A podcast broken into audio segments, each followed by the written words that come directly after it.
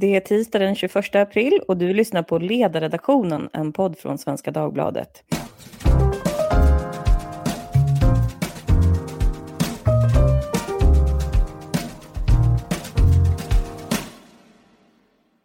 Jag heter Lydia Wåhlsten och idag ska vi prata om hur det går för svensk coronastrategi.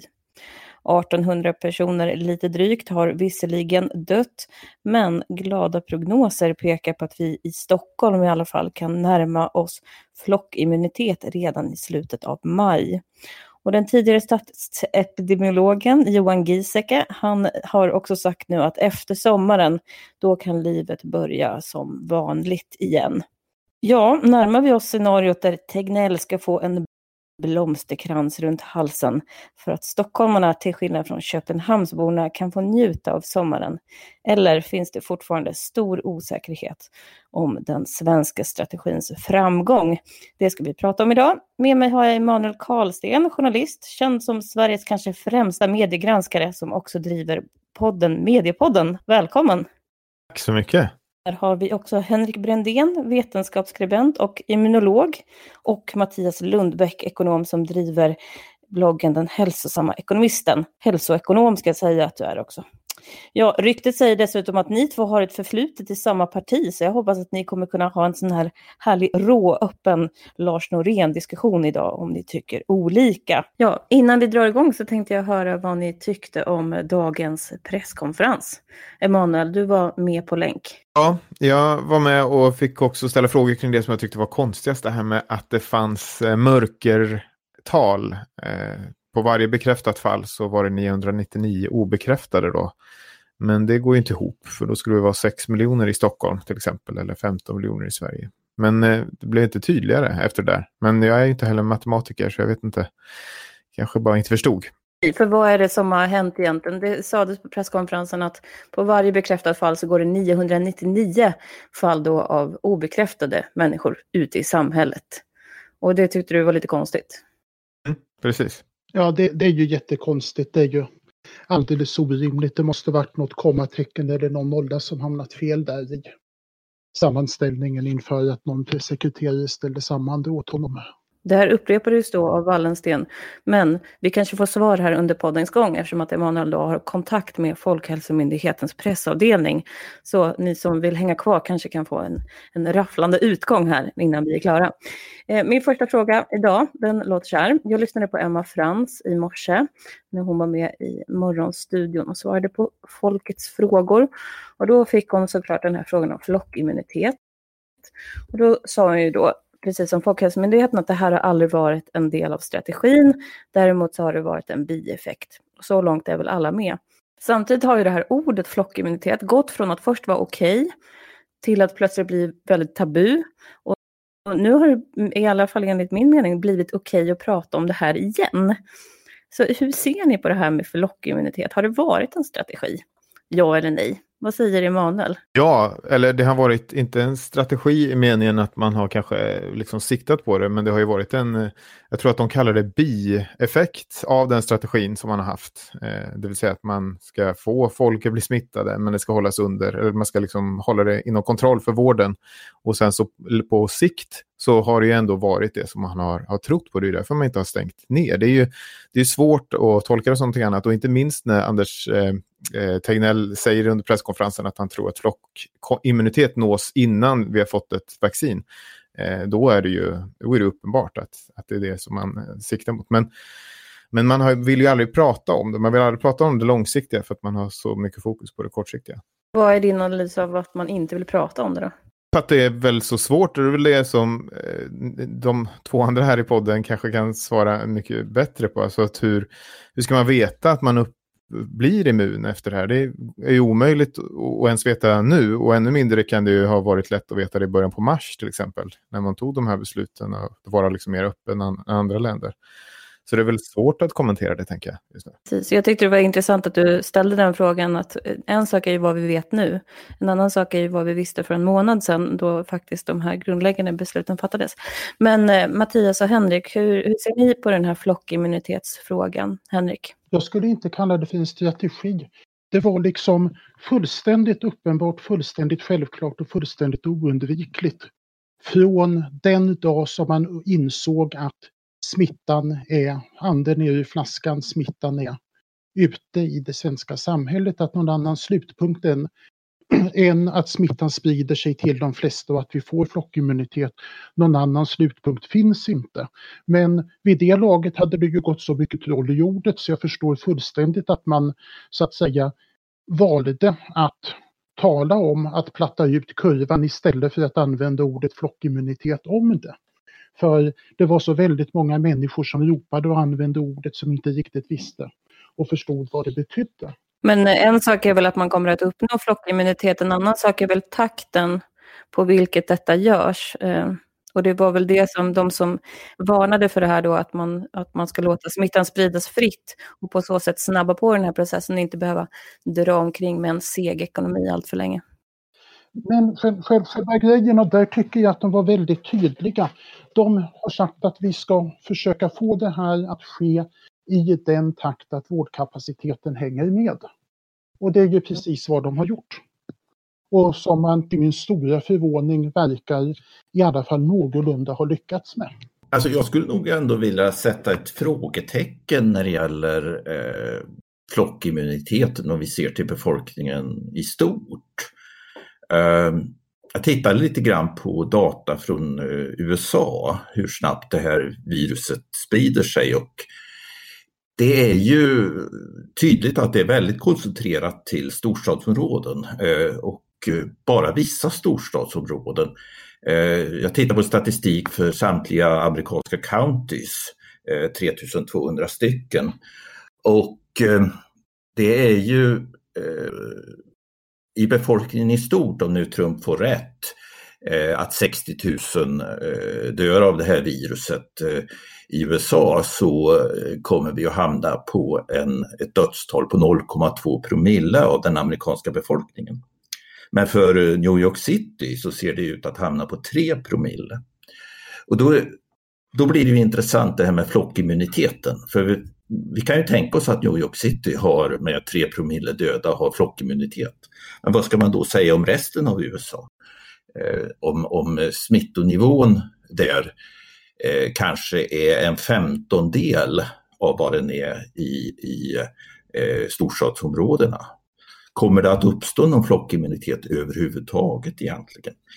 Eh, och eh, tittar man på covid-19, hur det har spridit sig, så är det ju naturligtvis tidigt i förloppet, men eh, så lång tid har ju inte viruset på sig heller att gå igenom hela befolkningen. Om man tittar på spanska sjukan till exempel, så spred den sig ju mycket mer homogent i befolkningen. Det var ungefär lika stor andel smittade i, i eh, mindre samhällen som i eh, storstäder. Så att eh, jag, jag, jag, skulle ändå vilja sätta upp ett litet frågetecken där när det gäller hur kommer det att se ut till slut och var kommer vi att sluta?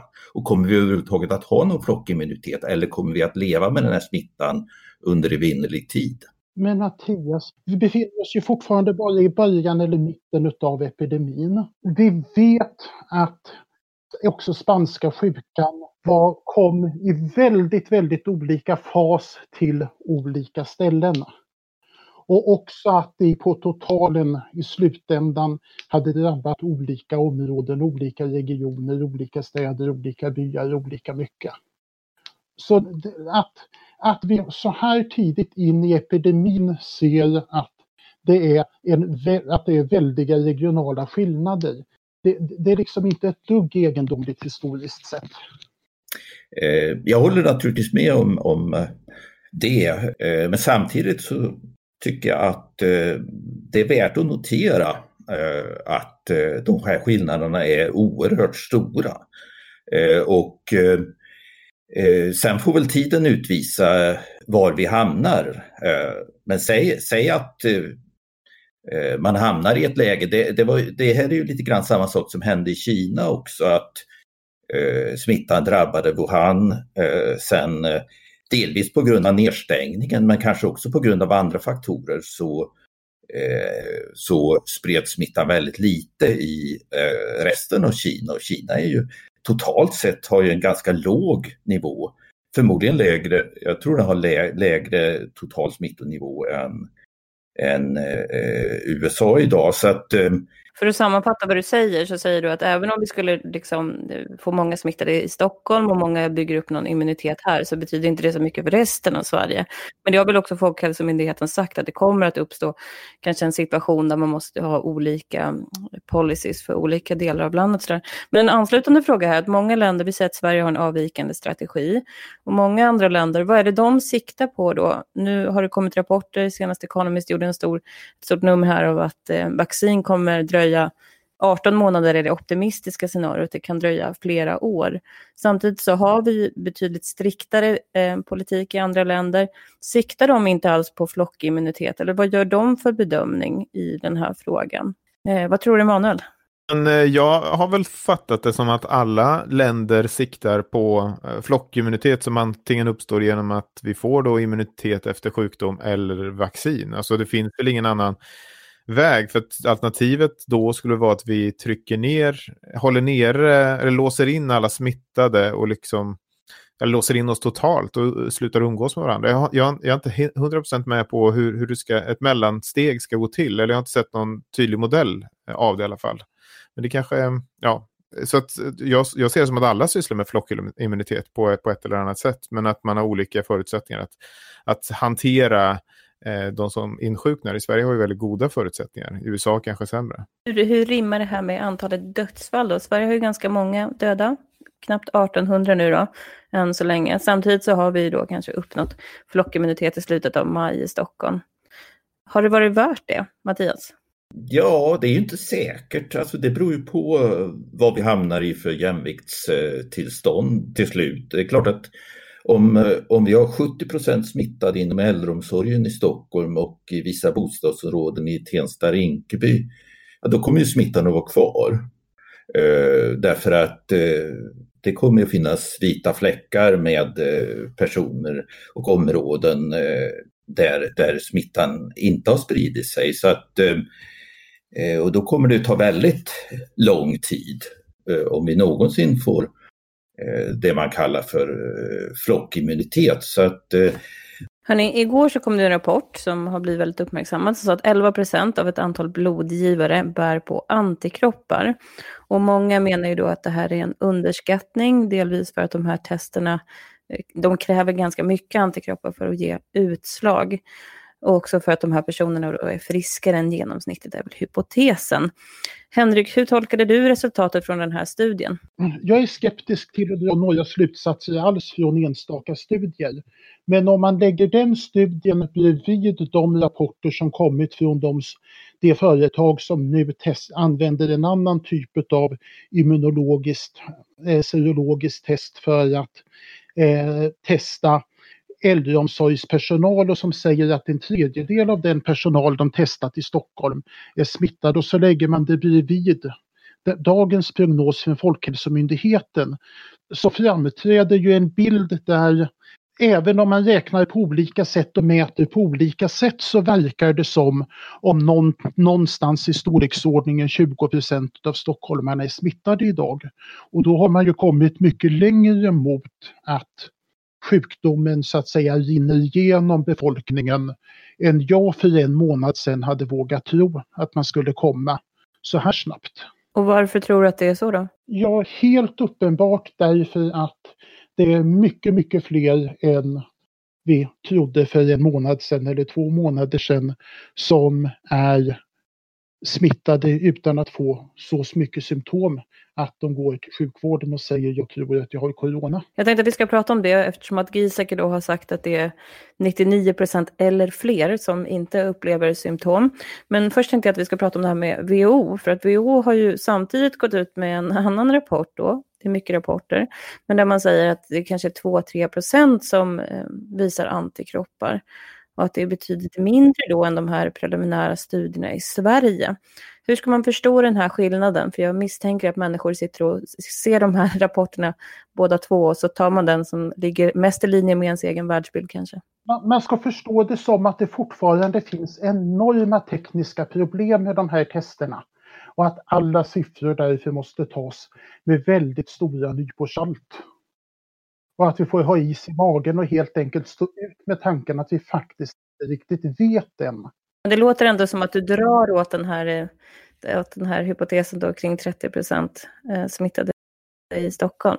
Ja, men om, om, om, om du lyssnade på, om du kommer ihåg vad jag sa för en och en halv månad sedan så sa jag att det här, det här kan i värsta fall ta flera år innan det runnit igenom hela befolkningen och vi har flockimmunitet. Nu är det istället för prognoser som säger att det kanske kommer att ta ytterligare några månader innan vi har det. Och även om så att balanspunkten i åt vilket håll det lutar har ju flyttat sig väldigt mycket. Oavsett om det är 3% eller om det är 20% globalt. Henrik, får jag, får jag fråga bara, för att jag, det som jag funderar på, och det är ju, menar, jag är med på, jag har sett vad du skrivit eh, och läst om, om immuniteten och sådär som jag absolut såklart inte är bra på. Men det som, som skrämmer mig kanske med tanken om flockimmunitet och det vägval som Sverige ändå har gjort då när vi inte stängde ner, alltså att vi, vi tillät en, en slags kontrollerad smittspridning, det var ju att liksom den, eh, den långsiktiga idén om att vi måste förr eller, se, förr eller senare måste alla smittas ändå. Alltså, det skulle kunna vara så att även om vaccin dröjer 18 månader eller två år så skulle vi kunna få antivirala läkemedel som gjorde att de som nu dör med covid-19 eh, inte skulle behövt dö kanske. Alltså att vi, hade vi bara stängt ner och liksom släppt på smittspridningen om några månader när vi kanske har hittat lite bättre läkemedel så hade inte lika många som nu då, art, vad är vi uppe i, 16-1700 döda, behövt att dö. Va, va, vad tror du om det? Fullständigt möjligt att det skulle kunna ha varit på det sättet. Omöjligt att säga säkert att det skulle ha kunnat vara på det sättet. För vi vet ju inte om det visar sig att eh, vi får fungerande bra antivirala snabbt. Men fullt möjligt att det skulle kunna bli så, bli så att man i efterklokhetens kranka blekhet kan säga som du tänker. Det är, väl, det är, väl, det som jag tycker kanske är mest problematiskt i så fall med den svenska hållningen. Alltså, den antar ju att immunitet uppstår och att det inte har funnits något bättre alternativ. Och det, det, det antagandet har man gjort väldigt, väldigt tidigt ju. Precis, det var ju det du återkom till idag på presskonferensen när du funderade på ja, vad hade man för data för en månad sedan när man fattade de här grundläggande besluten. Mattias, vad tycker du om det där? Kan det ha varit värt några människoliv för att ekonomin har hållits relativt öppen? Eh, ja, alltså jag tror nog inte att skillnaden kanske är så stor eh, mellan eh, Norge, Danmark och Sverige. Att effekten av det vi har gjort kanske är ungefär de samma egentligen. Jag, jag, är, jag är inte övertygad om att de här åtgärderna på marginalen gör så mycket skillnad egentligen utan det är de här förmodligen de här enkla sakerna. Det är precis som Folkhälsomyndigheten säger att det är de här enkla sakerna liksom som att tänka på Eh, att, eh, ja, vad man gör, att om man umgås, liksom, om man har stora konferenser, eh, att man umgås stora folksamlingar eh, och så vidare. Och de här, alltså, det är ju det som antagligen har betydelse för att eh, begränsa smittspridningen. Sen om man är extremt asketisk eh, och eh, avhåller sig från att träffa andra människor överhuvudtaget? Ja, jo det är klart man kanske får ner det här R-talet, den här spridningskoefficienten ytterligare då, men får man ner den från 0,8 till 0,6 eh, till exempel, då är den ju fortfarande under 1. Och då eh, spelar det liksom inte så stor roll vad man gör på, på marginalen utan eh, det är mycket möjligt att det som Sverige gjorde är det klokaste och det kanske var fullt tillräckligt för att åstadkomma det som vi ville åstadkomma, eller det som var möjligt alternativt att åstadkomma. Men jag, jag, jag undrar Lydia, när du säger det där beslutet vi fattade, som fattades för en månad sedan, jag förstår inte vad det är för beslut du tänker på. Ja, men jag kan väl uh, utveckla, uh, det är ju inte beslut utan det är väl kanske ett avsaknad på beslut då, det vill säga att man inte stängde ner lika hårt som till exempel Norge uh, gjorde då. Alltså att genom att man tillät en kontrollerad smittspridning i i, ja, i samhället, bland, i skolor, vad det nu kan vara för någonting det här smittspridningen skett, så har ju många fler blivit eh, smittade, men framförallt blivit dött i Sverige än våra grannländer specifikt. Och, och att det är väl det som på sikt då kan, eller i alla fall förbrylla mig då, det beslut, eller det, det ställningstagandet gjorde man ju, eller det, det, den, den avsaknad av beslut tog man ju det blir ju ett slags beslut i sig då. Det tog man ju redan för en månad sedan, eller det är mer än så ju. Men, men när du säger en månad, då menar du frågan ifall vi stängde grundskolor och förskolor. Du menar inte frågan hur vi hanterade de som kom tillbaka från Alperna? Nej, precis, utan det handlar om eh, den inhemska smittspridningen där, alltså att vi inte stängde ner lika hårt som våra grannländer. Ja, nej, men där, där, där håller jag med Mattias att skillnaden, skillnaden där är, med de åtgärderna är marginell. Det, det, det finns någonting som det, det finns någon skillnad någonstans som gör skillnaden till äldreomsorgen. Men vad som hände i, i, i barnomsorgen och skolan har jag väldigt svårt att tänka mig kan har spelat någon roll. När du säger det då, jag måste fråga, det, då, då är det ju, säg då att vi tar bort de äldreboende, eh, de, det var ju en tredjedel har ju sagts, och säg att det är tusen, lite drygt tusen döda i Sverige, så är vi fortfarande långt över våra grannländer i dödlighet. Eh, du, du menar att det inte handlar om att Norge tog mycket hårdare, stängde ner mycket hårdare? Jag har inga bra matematiska modeller att hänvisa det till, men jag har väldigt svårt att förstå på vilket sätt skillnaderna i hur vi hanterade skolorna och några saker till skulle kunna gjort, gjort den skulle kunna vara orsaken till den skillnaden. Eh, jag, jag, tror att Sverige har begått stora misstag eh, eh och, eh, men kanske eh, inte misstagen är riktigt de som vi tror. Jag tror för första att man gjorde en felaktig bedömning av risken för import av smitta. Man skulle ha hanterat det på ett mycket mer systematiskt sätt. Eh, och, och de personer som återvänder från Italien, det är helt klart där det började. Eh, sen har man gjort en felaktig bedömning av risken för presymptomatisk och asymptomatisk smitta. Eh, där gick man eh, ut tidigt och skrev på Folkhälsomyndighetens hemsida att personer smittar inte före de får symptom. Och det kan indirekt ha påverkat sättet man hanterade smittan på i äldreomsorgen. Eh, för det är den tredje punkten, att man hade bristande rutiner inom äldreomsorgen och man hade ingen tydlighet om vad som krävs för att förhindra smittspridning, inom, även inom vård och omsorg. Och sen det fjärde som jag skulle lyfta fram eh, är möjligen då att man kunde ha eh, informerat minoritetsgrupper bättre om det här. För vi har sett att det har varit mycket spridning på Järvafältet och i Södertälje. Det kunde man kanske ha undvikit. Men alla de där sakerna kan man väl säga ingår i också en striktare strategi. Till exempel det här med asymptomatiska, för det handlar ju om hur strikt ska man vara när man ska gå tillbaka till jobbet och sådär. Ska man vara på den säkra sidan eller ska, är det okej okay att ta den här risken? Och där gjorde ju vi, där får man väl säga att vi gjorde ett vägval ändå. Det kanske det finns saker som man kunde ha funderat på. Men i övrigt så eh, tror jag att man kanske idag fokuserar lite grann på fel saker. Att eh, det man kunde ha gjort, eh, det, det skulle man ha gjort mycket tidigare.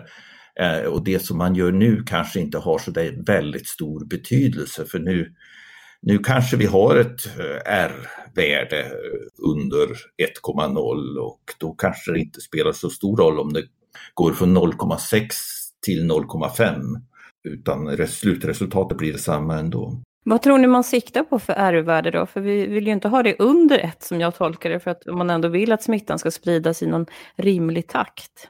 Vad har du fått för intryck, Emanuel? Ja, det, det, där håller jag mig utanför. Det tror jag att de, de här eh, båda akademikerna är bättre att svara på. Ja, Henrik, vad tror du? Jag tror att man siktar på att hålla det rätt nära ett för att kunna få en stor del av befolkningen att rinna igenom, att få sjukdomen smittas av den och att det ska ske i en sån takt att sjukvårdsapparaten hänger med och då är det mycket bättre för sjukvårdsapparaten att det går i en jämn takt än att det håller på att hoppa upp och ner med en massa första våg och andra våg och tredje våg och fjärde våg. Men om vi säger att det är bara hälften av IVA-platserna som är belagda, ska man då säga att vi har för lite smittspridning givet om strategin är att, vi bara, att vården ska klara av det? Är det så lite som hälften av platserna som är belagda? Säger att det är 20 procent ledig kapacitet, men i antalet som är inlagda på IVA så tolkar jag att det är ungefär hälften. Men sen är det väl andra personer i och för sig, förutom covid-patienter. Det är ju det som är så fantastiskt. Vi har fördubblat kapaciteten på IVA och ungefär det antal som tas upp av covid-patienter är det antal som platserna har ökat med.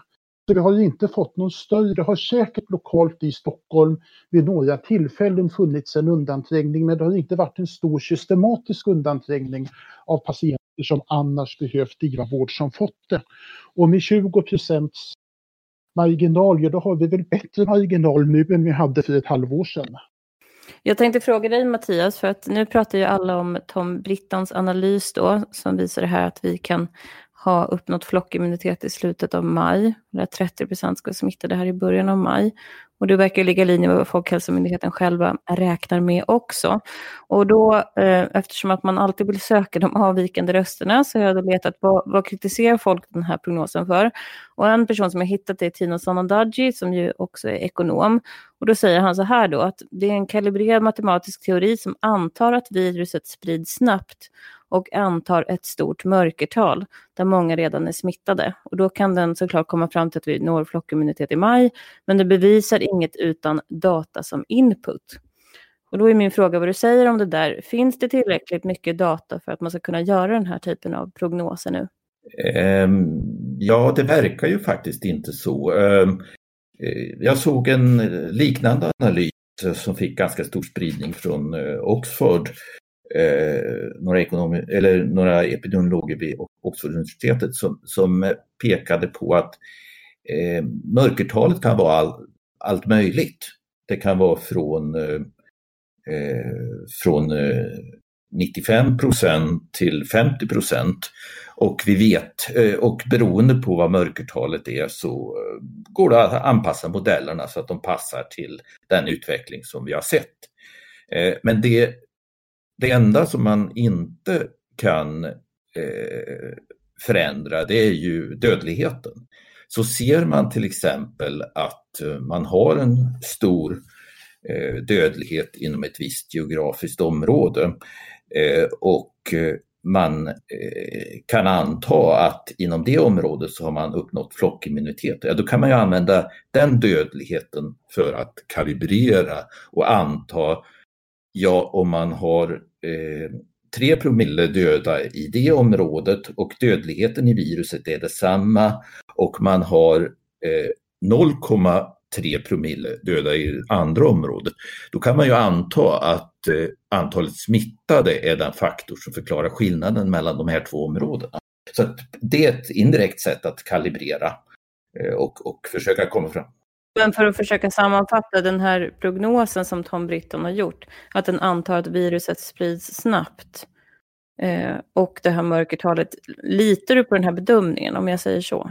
Nej, det gör jag väl inte, men det finns ju Folkhälsomyndigheten har ju också många olika alternativ i sina antaganden. Även om alla de antagandena ligger ganska högt så, eh, så är ju spännvidden otroligt stor. Eh, och, eh, så att eh, nej, nej det gör jag inte. Henrik, vad säger du om den här prognosen? En prognos av många och precis som Tino säger, vad man antar när det gäller spridningshastighet och mörkertal avgör ju hur snabbt det kommer att gå. Och det, vi vet fortfarande inte tillräckligt mycket. Vi vet mer än vi visste för en månad sedan. Då låg liksom vad jag kunde föreställa mig all, det hela i intervallet två månader eller tre år. Nu inser vi att det snarare är fråga om exakt hur många månader kommer det att bli. Men ifall det tar en månad som Britton tror eller om det tar dröjer in till hösten eller in till vintern. Ja, det får vi se. Det beror på alldeles på hur stort visar sig mörkertalet vara. Förhoppningsvis vet vi det betydligt bättre när man har kommit lite längre med att göra de här serologiska testerna som jättemånga människor sätter igång med nu. Det är väl bara en iakttagelse, men det var nog många som tog till sig. Igår i Aktuellt så var det ju väldigt pedagogiskt då, eh, när Tom Brito visar den här modellen. Och eh, jag tror att många idag tar det här nästan för givet då, att vi faktiskt kommer nå den här flockimmuniteten ganska snart. Jag har två frågor till dig Henrik som rör liksom vad det innebär då med flock, att vi blir flockimmuna. Och den första frågan, den kommer från en molekylärbiolog som står mig väldigt nära, som undrar om man inte kan vara bärare av viruset trots att man har antikroppar. Att du helt enkelt kan föra över viruset, men du är bara ett kärl, du blir själv inte sjuk, utan du bara för det här vidare till nästa person som kanske inte då har varit sjuk?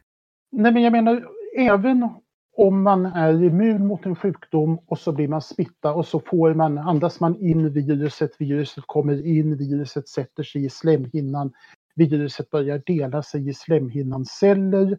Då tar det ett litet tag för immunförsvarets minnesceller att aktivera för, immunför, för immunförsvarets minne att så att säga komma igång och slå ihjäl den här återinfektionen.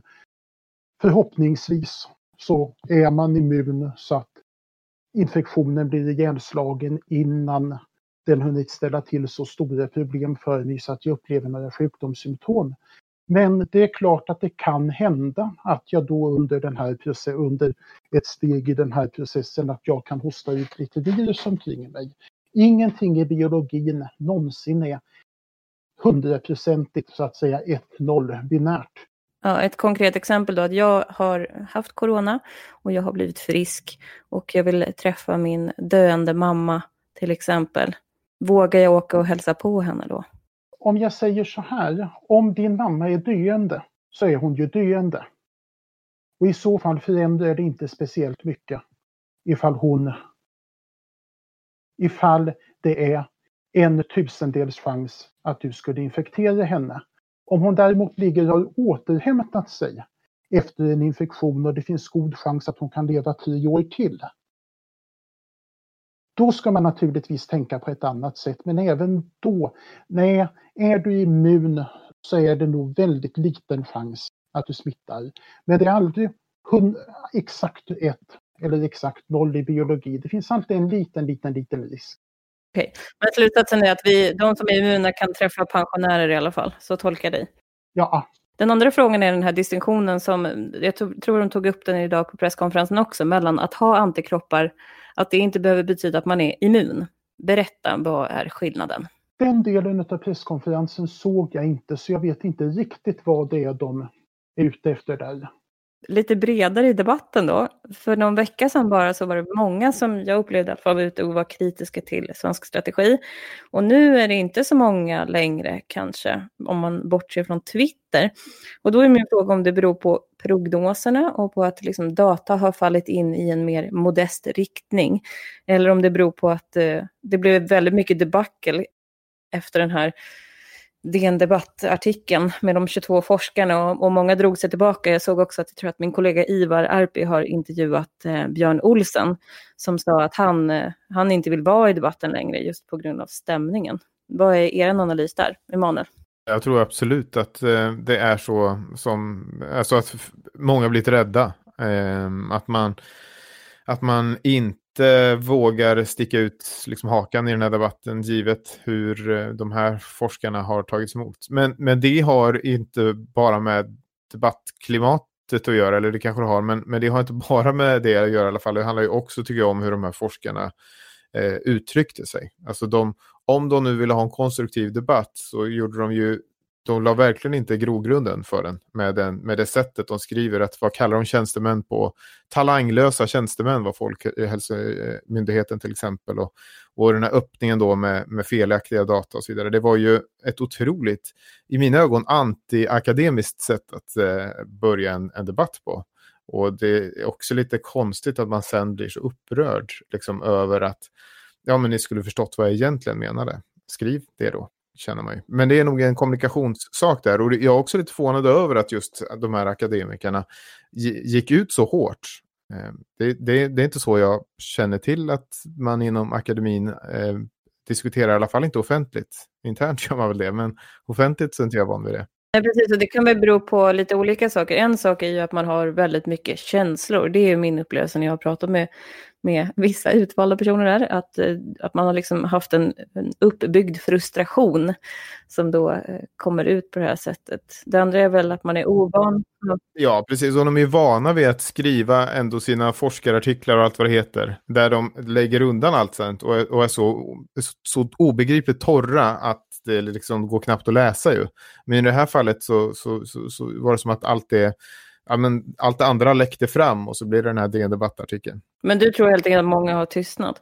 Vad tror ni andra då? Handlar det om att prognoserna har pekat i, i Folkhälsomyndighetens riktning eller handlar det om debatten? Alltså jag är förvånad över hur snabbt eh, det här urartade i falangstrider. Alltså det till och med, även om jag är, som akademiker naturligtvis har sett eh, falangstrider förekomma så att säga, även i min disciplin. Men men, eh, men det gick väldigt snabbt innan man liksom tappade koncepten helt och hållet. Och eh, det, ja, det, det är väl lite tråkig utveckling därför att jag tror man kan ha en diskussion som mer handlar om eh, för saken framåt och eh, det är väl inte omöjligt att båda de här falangerna har fel fast på ett sätt som de kanske själva inte har tänkt sig. Henrik, vad känner du? Jag tycker att det finns fortfarande väldigt mycket känslor och olika åsikter bland mina Facebook-vänner och de jag möter på sociala medier om det här. Men om det lugnat sig lite grann i andra delar av världen så är väl det bara bra för att här är det ju fortfarande oerhört mycket kunskap som saknas, oerhört mycket tänkbara tolkningar som alla är möjliga och legitima och som det borde gå att diskutera i ett samtalsklimat som lite mer påminner om det vi haft här nu senaste, minut, senaste halvtimmen, timmen. Jag upplever i alla fall att en sak har förändrats under tidens gång. Det är att Folkhälsomyndigheten med tiden har blivit mer och mer öppna kring de här prognoserna. Och man ser nästan en slags stolthet att säga, men nu idag ska vi presentera en rapport om våra modelleringar som kom idag då till exempel.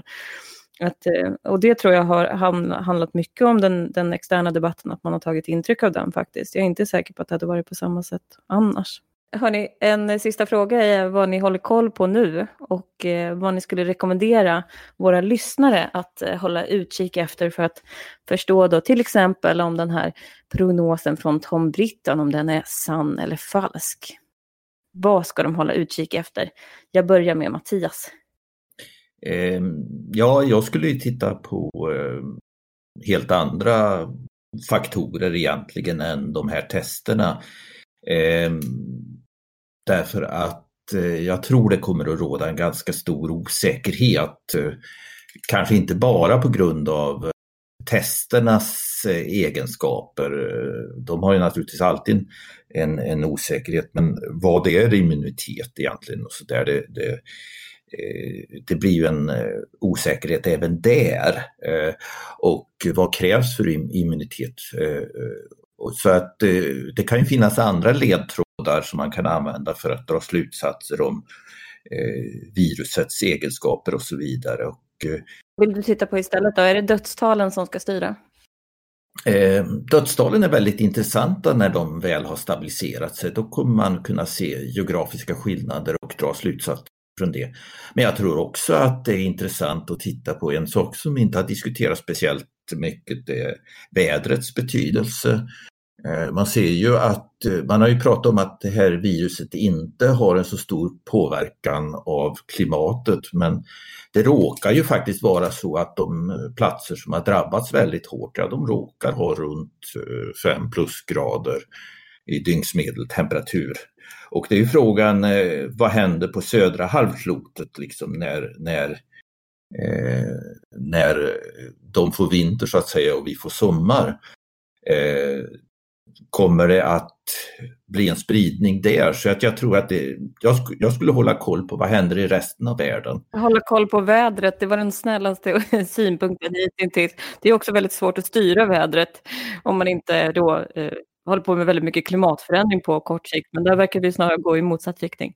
Henrik, vad håller du koll på? Jag kommer att hålla koll på de rapporter som kommer att komma om hur stor andel av svenskarna och i synnerhet hur stor andel av människorna i andra delar av Sverige än Stockholm som visar sig vara smittade med olika metoder och där olika forskargrupper testar det på olika sätt så tror jag att när man kommer att lägga ihop alla de undersökningarna med varann så kommer vi få en någorlunda vettig bild av hur utbredd är smittan, hur långt har vi till flockimmunitet, hur länge kommer det att hålla på.